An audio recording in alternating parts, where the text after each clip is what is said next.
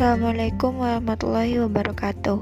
Hai teman-teman, nama saya Ayu Amila Putri dari kelas HBI 1B Saya akan menjelaskan tentang tantangan dalam wawasan Nusantara. Yang pertama, pemberdayaan masyarakat. John Naisbitt dalam bukunya Global Paradox menyatakan negara harus dapat memberikan peranan sebesar-besarnya kepada rakyat dalam arti memberikan peranan dalam bentuk aktivitas dan partisipasi masyarakat untuk mencapai tujuan nasional hanya dapat dilaksanakan oleh negara-negara maju dengan bottom-up planning.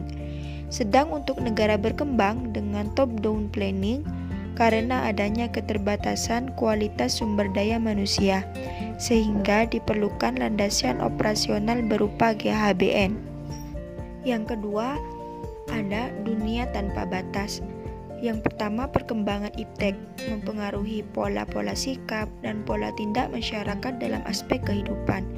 Yang kedua, Kenichi Omahe dalam bentuk Borderless World dan The End of Nation Stage menyatakan dalam perkembangan masyarakat global, batas-batas wilayah dalam arti geografi dan politik relatif masih tetap.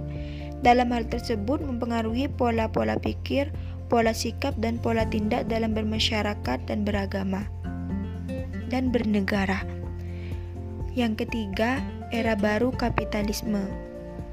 Leslar Turowo dalam bukunya The Future of Capitalism menyatakan untuk dapat bertahan dalam era baru kapitalisme harus membuat strategi baru yaitu keseimbangan atau balance antara paham individu dan paham sosialis.